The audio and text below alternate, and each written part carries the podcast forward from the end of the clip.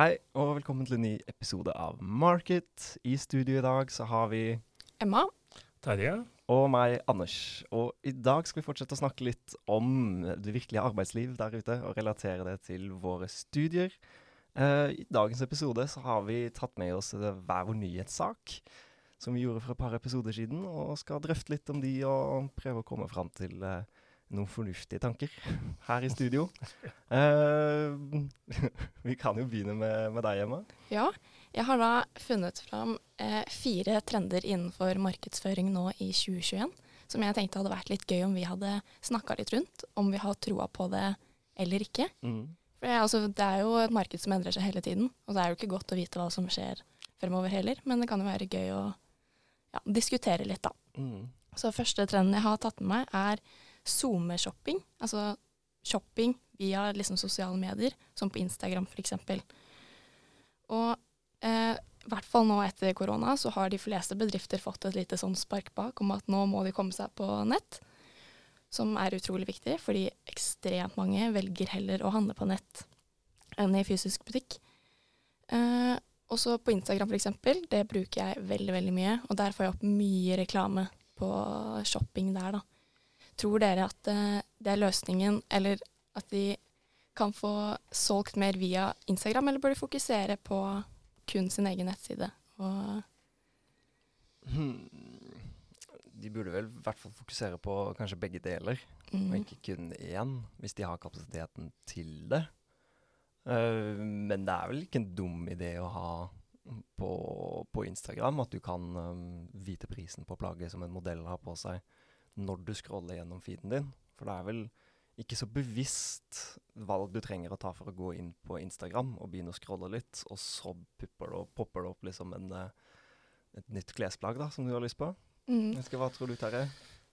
Uh, altså, jeg er jo kanskje ikke helt innertier på målgruppa på Instagram, men jeg har faktisk handla to ting på Instagram Du har det, de ja? siste par ukene. Oi, oi, oi, oi. Som jeg har blitt, jeg har blitt ordent, ordentlig inspirert av. Eh, faktisk var en sånn T-skjorte som, som, som bare forfulgte meg i et par uker på Instagram. Uh, jeg, ja, men søren, den skal jeg kjøpe. Um, og så har jeg gjort det, og så har jeg ikke fått den ennå, selv om det er 14 dager siden jeg har sett den. Det syns jeg faktisk er litt om dårlig, men jeg Ja. skitt nå med det. Og så har jeg kjøpt to paddleboard, hvis du har hørt om det. Ja, ja, ja. De har jeg heller ikke fått, men jeg regner med at jeg får de snart. men, men det var jo bare Altså, den der T-skjorta var jo bare inspirert av Instagram. Mm. Jeg hadde ikke tenkt oss å kjøpe noe. Eh, eller altså, det hadde jeg sikkert, men ikke akkurat den. liksom, bare sånn. Så jeg tror at det blir en veldig, veldig viktig eh, kanal. Inspirasjonskanal. Og så må du da kunne handle direkte når du blir inspirert. ja, Mm. at det går fort og raskt, da. Det går kjempefort og raskt. Liksom. Og det er jo der og da en T-skjorte liksom kosta 500 kroner, eller hva den kosta. Og så liksom bare Yes, den skal jeg ha. Mm. Vi er utrolig opptatt av brukervennlighet nå, og at ting skal gå raskt og Mm. sømløst. Eh, Mm. vi er utrolig utålmodige, så det er utrolig viktig at eh, det er en Og jeg har jo hørt om butikker eh, på kjøpesenteret som får 60% av omsetningen sin via det de annonserer på Instagram. mm. Ja. Så er det jo det at eh, det er litt sånn lavterskel på å gå inn på Instagram. At man tenker jo ikke 'nå skal jeg inn og shoppe', men så blir du litt inspirert av disse bildene. og Så klarer du liksom se for deg 'ja, den burde jeg hatt', da. Mm. Så går det så fort. Mm. Så er det fort gjort å trykke Ja, jeg, til han altså. jeg har tenkt det mange ganger når jeg har sett plagg på Instagram. At det er sånn 'Å, den var kul. Den kunne jeg gjerne tenkt meg'. Men så har det ikke da vært funksjon for å kunne kjøpe den der og da. Og så er det sånn 'Å, jeg skal søke den opp'. Nei, du gjør Nei, ikke det. du gjør ikke det. Det. Du gjør men, ikke det, men hvis det hadde vært muligheten sånn 'Vil du kjøpe denne nå?' Og så liksom bare Så hadde det jo vært mye lettere å gjøre det kjøpet. Ja. Og så er det Vi er litt mer opptatt av det der med content marketing, at det skal Mm. gi oss noe også. Og det er Mm. jo litt det Instagram kan tilby òg, da. At uh, du kan få litt mer av liksom opplevelsen også. Men så tror jeg jeg merker at det, det er flere og flere som kjøper eh, målgrupper, at jeg detter inn i en del eh, målgrupper på Instagram da, som jeg blir eksponert for reklame for. Men nesten alt som kommer der, har jo sånn klikk og kjøp-funksjon. Mm. Iallfall Mm. det som dukker opp hos meg. da. Ja.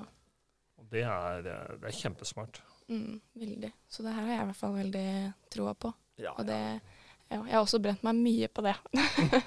Og det betyr jo at uh, butikker bør gå på Instagram Ja. og skaffe seg akkurat den der handlefunksjonen. Og så Mm, og det som ja, er så bra med Instagram, er jo at uh, der har man selv et bevisst valg på å følge bedrifter man selv interesserer seg for. Og da har man jo liksom den riktige målgruppen allerede, som man Mm. kan Å ja. Jeg, jeg har jo ikke fulgt Jeg har jo ikke bevisst fulgt noen av de jeg blir eksponert for. Nei da, det dukker jo opp litt i hytt og gevær også, da. Ja, men det virker som de har sånn her, sånn her lyttefunksjon. For eh, liksom noe vi har snakket om i familien, dukker plutselig opp på Instagram. Kjenner den følelsen. Men da eh, kan vi konkludere med at eh, det her har vi troa på, og det er noe egentlig alle bedrifter bør eh, komme seg litt på ballen og komme i gang med. Alle butikker som har noen varer å selge, bør på Instagram Selge Mm. det derfra. Ja. og selge derfra. Ja. Og det er veldig enkelt. Instagram som en del av Facebook sine uh, ad-funksjoner og sånt, er det jo veldig enkelt for en bedrift å gjøre dette. Det er jo ikke liksom store prosessen for å sette Også det opp. Facebook også, da. Altså, det er Ja. litt, litt av det samme, men eh, ja, som du sier, det, er jo, det, det henger jo sammen litt. Mm. Ja. Så neste trend jeg har tatt på meg, er livestreams. Og eh, det kan både være litt sånn den Clubhouse, der man bare har lyd, men Mm. også det er jo utrolig populært, spesielt blant min målgruppe, og i hvert fall yngre også, å bare følge med på folk der og da. Altså, det kan være hva som helst. I går så, så jeg faktisk på en livestream, og da var det ei som satt og jobba med skole. Hm. Og så satt jeg og jobba med skole samtidig som henne. Og det var liksom sånn Hvorfor ikke? Du følte det, du kom inn i en kollokviegruppe nesten? eller? Ja, Og så i hvert fall sånn Jeg tror også det har skutt litt fart nå, fordi i korona, spesielt blant Mm. studenter, så er det mange som kanskje er litt ensomme. Og det er jo en form for selskap. Ja, ja. Sånn Mm. Tror du at du hadde gjort det før korona? Sitte og liksom pugge sammen med noen? Jeg hadde nok ikke gjort det, for jeg kan få litt sånn dårlig tålmodighet. Mm, mm. Så Men jeg tenker at ulempen med livestreaming er jo at det skjer der og da. Eh, Ikke som her i podkasten, hvor du kan egentlig høre på når som helst. Du må Mm. liksom, liksom bare være ja, Du må dette innom, eller føle at nå har jeg en halvtime til overs, nå vil jeg liksom høre på det. Da. For det er jo ikke en opptaksfunksjon, det er jo live. mm. Så når det løsner litt opp igjen eh, i samfunnet, og folk blir litt mer travle, så er det ikke sikkert at det Men blir så typen eh, Clubhouse er jo avhengig av at folk eh, lytter der og da, og det syns jeg blir veldig spennende å se om hvordan de får til. Mm. Ja, for det er jo livestream, det er også. Det, det er livestream. Ja. Bruker dere fortsatt eh, Clubhouse? Jeg er innom av og til. Mm. Ja. Det har ikke helt falt i smak hos meg. Nei. Nei, men det sa du i starten. Ja. Det har ennå ikke vokst på deg helt. Nei. nei. Det er bare det at jeg liker å kunne gå inn og høre når jeg selv vil. Mm. Mm. Ja, og, men det er jo akkurat det du er inne på når det gjelder livestream. da. Vil Ja. det ta av? Det er ikke helt eh, for meg, tror jeg. Det var jo helt tilfeldig at jeg satte på det i går, for da bare dukka det opp. Og så tenkte Mm. jeg ja, men da hvorfor ikke? Så ja, det blir spennende å se hva som skjer med det her da fremover. Det, Ja. Men det er jo en veldig god måte uh, for influensere f.eks. å skape relasjon med sine følgere. For man kommer litt mer tett på, og det virker mye, mye mer ekte. Mm. Mm. Så Det er sant. mm. Men så er det hvis du ikke har tiden, da, helt. Ja. Så jeg for min del løper litt for mye rundt til å ha tiden til å sette meg ned og faktisk følge med på en livestream. Du må ha det Um, på headset eller uh, øretelefon. Mm, et eller annet sånt. Mm. Det er, men da koser jeg meg ofte mer med musikk Mm. ja. enn med livestream. Ja, og jeg går gjerne etter podkast. Du går til podkast, Ja. ikke sant? Ja. Mm. Så da faller det litt imellom hos oss. Hva med deg, Terje? Jo, jeg er helt enig. Jeg, jeg, jeg føler liksom at uh, Det er nesten som en sånn der eh, livesending på TV. Når, Mm. når ser du sist livesending på Altså sånn der uh, analo... eh, er det Det, det kan jeg Altså. ikke huske. Jeg ser, nyhet jeg ser nyheter her, Mm. og sport, ikke sant, som Mm. er live. Men alt annet helt uaktuelt. Mm. Ja. Nei, det, det er fotballkamper, da. Det er vel det Ja. Men det er jo, Mm. det er jo Mm. sport som er live, da. Det, Ja. må, det må du se live. Men det er det samme Altså, du vil helst høre på og se på ting når du har tid. Ja. Og det taler imot livestreaming, da. ja. Mm. Så det blir spennende å se hva som uh... Det skal bli spennende. Det har vi ikke noen fasit på. Nei. Vi får vel kanskje prøve en livepod en gang, sånn at vi har Ja. eh, Så kan vi uh, kjenne og ta litt på Ja. konseptet, se Ja. om det blir noe bra ut av det. Ja. mm. Men da går jeg over til neste trend. mm. Eh, og det veit jeg vi har snakka mye om. Det var vel i etikk, eh, vil jeg tro, når vi hadde det med Terje. Og det at eh, bedrifter, men også influensere, er mer eh, gjennomsiktige. At de viser hva de gjør, og at det, det de produserer skal være autentisk, det skal virke ekte. Mm. Eh, og dette er noe jeg synes egentlig er litt sånn åpenbart. Dette er noe de absolutt skal gjøre. Så jeg vet ikke helt om det skal gå som en trend, men det har vokst mer nå, da. I blant bedrifter og Det er vel kanskje helt at trenden har vel påvirket mange bedrifter Mm. til å følge trenden. Mm. Um, for det var vel ikke så mange som, var, som selv hadde tatt initiativ til å, til å bli mer gjennomsiktig eller sustainable, eller mye av det vi, som vi snakket om i, i TIC. Mm. Hvis ikke det hadde blitt en trend, og Nei. store målgrupper hadde har lyst på dette. Um, men så føler jeg da det er jo en del av de som har prøvd å bli gjennomsiktige, gi veldig liksom, inntrykk av det. Og så på bakrommet så er det samme tut og kjør som normalt. Men HM har vel vært uh, Jo, men da blir, de, da blir de i større grad gjennomskua og mm, tatt. De blir jo det. Så jeg tenker at det, ja, det er en trend som har påvirket veldig mange, og vil påvirke mange framover også. Mm. Uh, du må være transparent, åpen, uh, ærlig, ikke minst. Mm. Uh, de vil gjøre det best, tror jeg. Ja. For at deres generasjon kommer til å kreve det. ja. Det var akkurat det jeg skulle inn på nå også. At eh, vi som brukere krever jo også mer Mm. Vi har lyst til å se Mm. hva som skjer, at det skal være eh, etisk riktig, at det er bærekraftig. Eh, Mm. Vi setter høyere krav på det vi ønsker å legge pengene våre i, da. Ja. Ta litt mer samfunnsansvar og sånt også, gjerne. Mm. Og det bør jo egentlig alle tenke på når de skriver oppgaver i markedsføring eller etikk eller strategifagene. Altså tenke på det og liksom ta det gjerne med da, som en sånn uh, grunnleggende sak. At det, Mm. det må selskaper tenke på i alt de gjør. Ja. Det er et Mm. godt tips også liksom uh, Ta det med i, Ja. uh, i oppgaver. Ja, og det kan underbygge litt uh, Det viser også at du tenker selv og er liksom Mm. som sensorer elsker. da. Da må vi kanskje huske å ta med det i global marketing. Ja. Ja, ikke sant? når vi først er i gang. En liten påminnelse til oss selv her. Ja. Ja. Til oss selv der. Mm. Jo, men er dere ikke enige? Altså, Jo. Jo. jo. Veldig. I hvert fall når man skal eh, ja, uavhengige oppgaver, sånn om det er en bedrift eller i global marketing, der vi snakker om en destinasjon, da. Ja, ja. Mm. Eh, og ta dette ja, bærekraftperspektivet og at det skal være ekte. Jeg syns det er veldig viktig, og vi krever, krever det også nå. Mye Ja. mer. Ja. Mm. Mye større grad. Mm. Ja.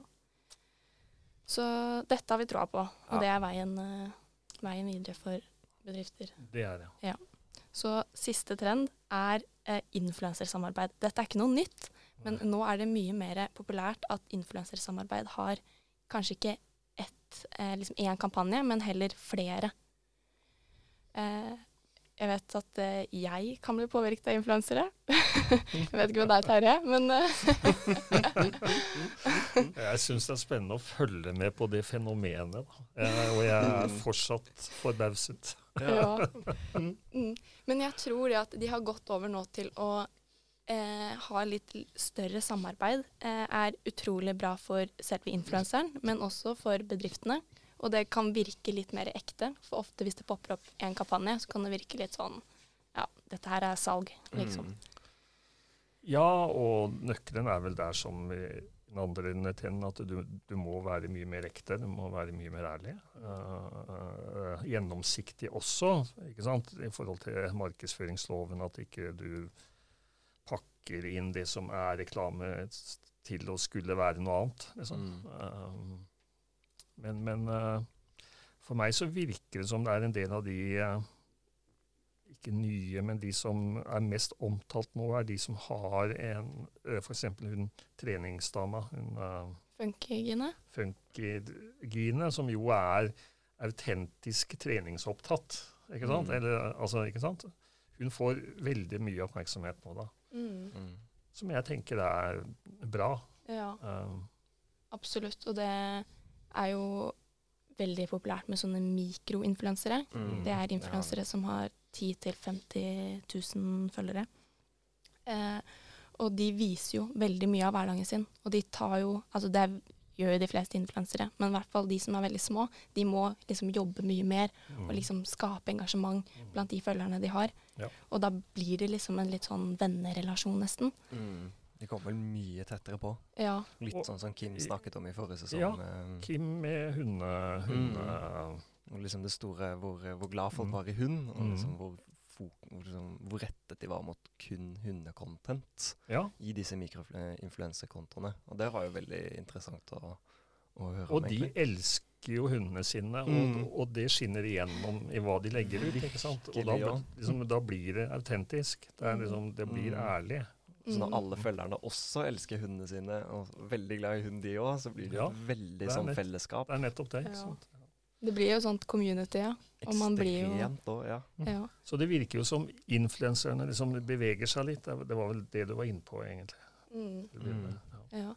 Men eh, Er vi litt ferdig med en vanlig sånn blogger-influenser? ja. Ja, vi er, vi er, vi er litt Og så er vi, ja, og så er vi litt mer sånn ting skal skje litt raskt. Blogg Ja. tar tid. Ja, Mm. det det. Du må lese igjennom og Ja, det er sant. ja. Sånn Jeg bare snakker for meg selv. I hvert fall at jeg har aldri vært fan av blogg. Nei. Mm. Men uh, har dere troa på at influensere fortsatt uh, vil være en stor del av markedsføringen fremover? Ja. Jeg vil det. ja. Ja. Når vi hørte tallene Kim kom med for mikroinfluensa, i hvert fall. være Så, såpass ærlige. Men at de, men at, at de også utvikler seg litt, mm, det, det tror jeg nok. Mm. mm. Ja. Og det Ja. ja, går jo litt i den trenden jeg nevnte tidligere med ja, Så Åpenhet, ja. Mm. når du skriver markedsføringsoppgaver spesielt, så kommer det jo nesten ikke utenom å ta med det som et uh, mulig virkemiddel. ja. Mm. Men det var egentlig min eh, nyhetssak. Ja. Du syns det var veldig, veldig spennende? Ja, jeg syns det er kjempegøy. Mm. Så Det mm. blir veldig viktig for veien, i hvert fall vår vei videre nå, å Ja, liksom finne litt ut av uh, hva som blir det neste store. Ja. Jeg har en sak her, da. Skal jeg ta den? Ja. Uh, nå, når pandemien uh, snart er over, det har jeg sagt et par ganger før, men snart er over, så skal jo folk begynne å reise litt mer igjen. Og det som er veldig Som kan være altså som jeg i hvert fall kommer til å følge med på, er hvordan flyselskapene kommer til å stimulere til å få passasjerene i gang igjen.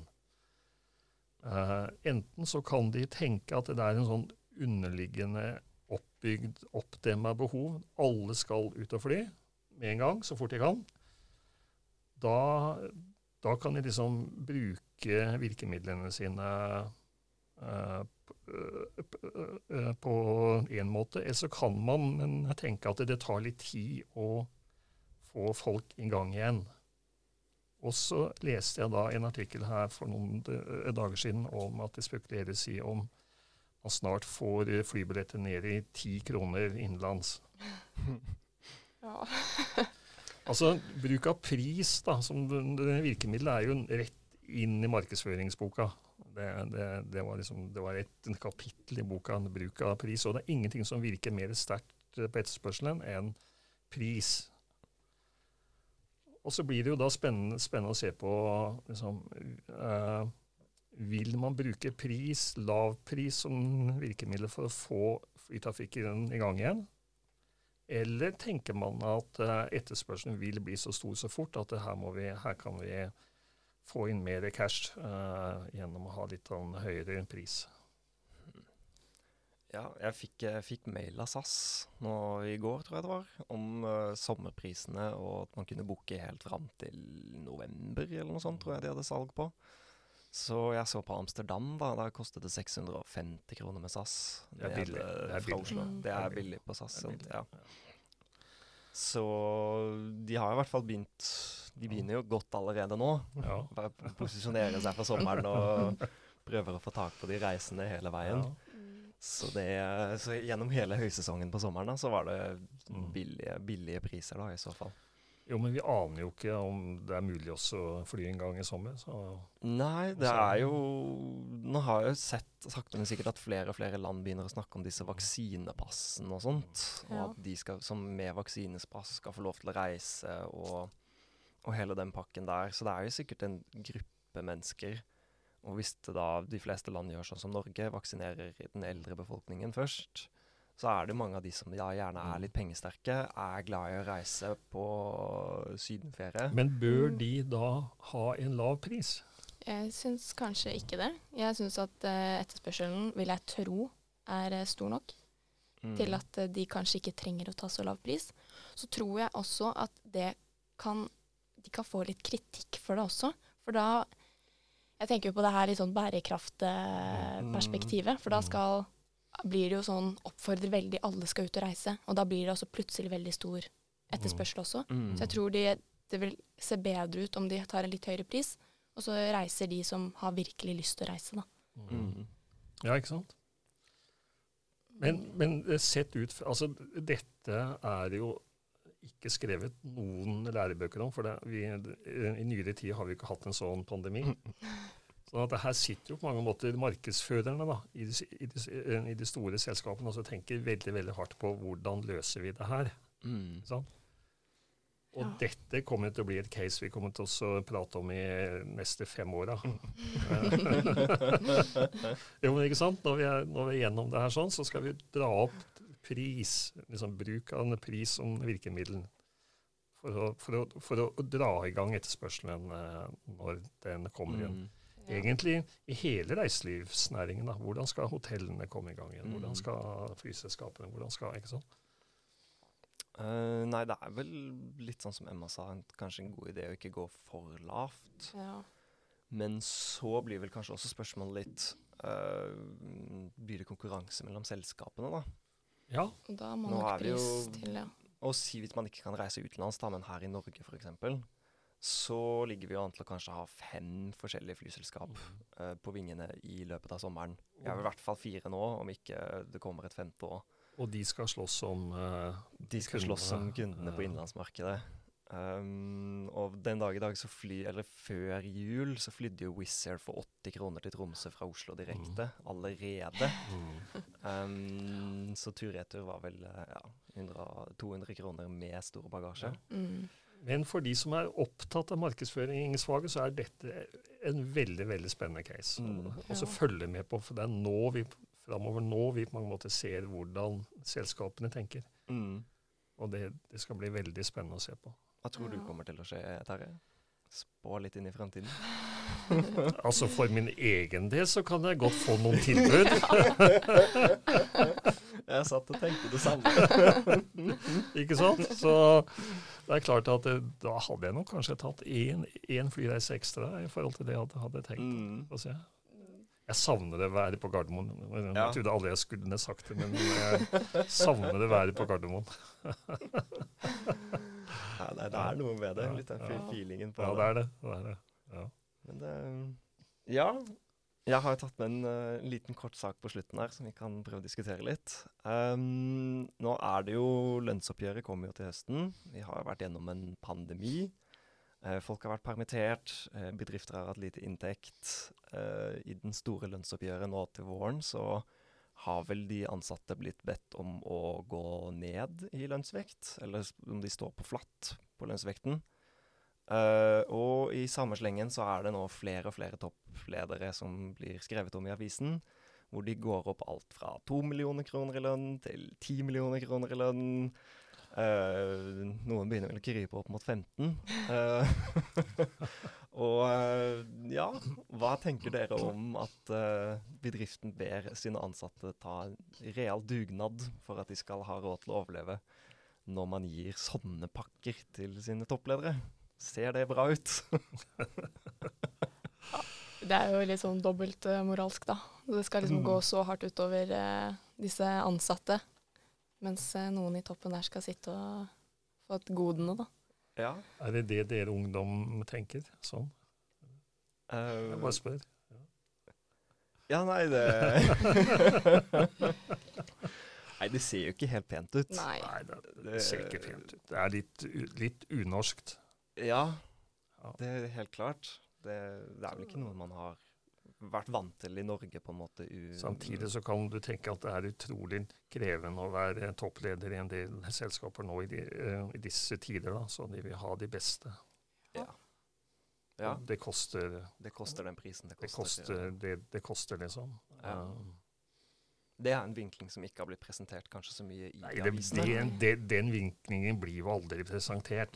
Det, altså, det er vanskelig å argumentere med det. det er, liksom, er en person verdt eh, 15 millioner i årslønn? Altså, er det noen som er det? Eller 100 millioner i årslønn, som du kan få i de her, eh, største internasjonale selskapene? Er det noen som er verdt det? Mm.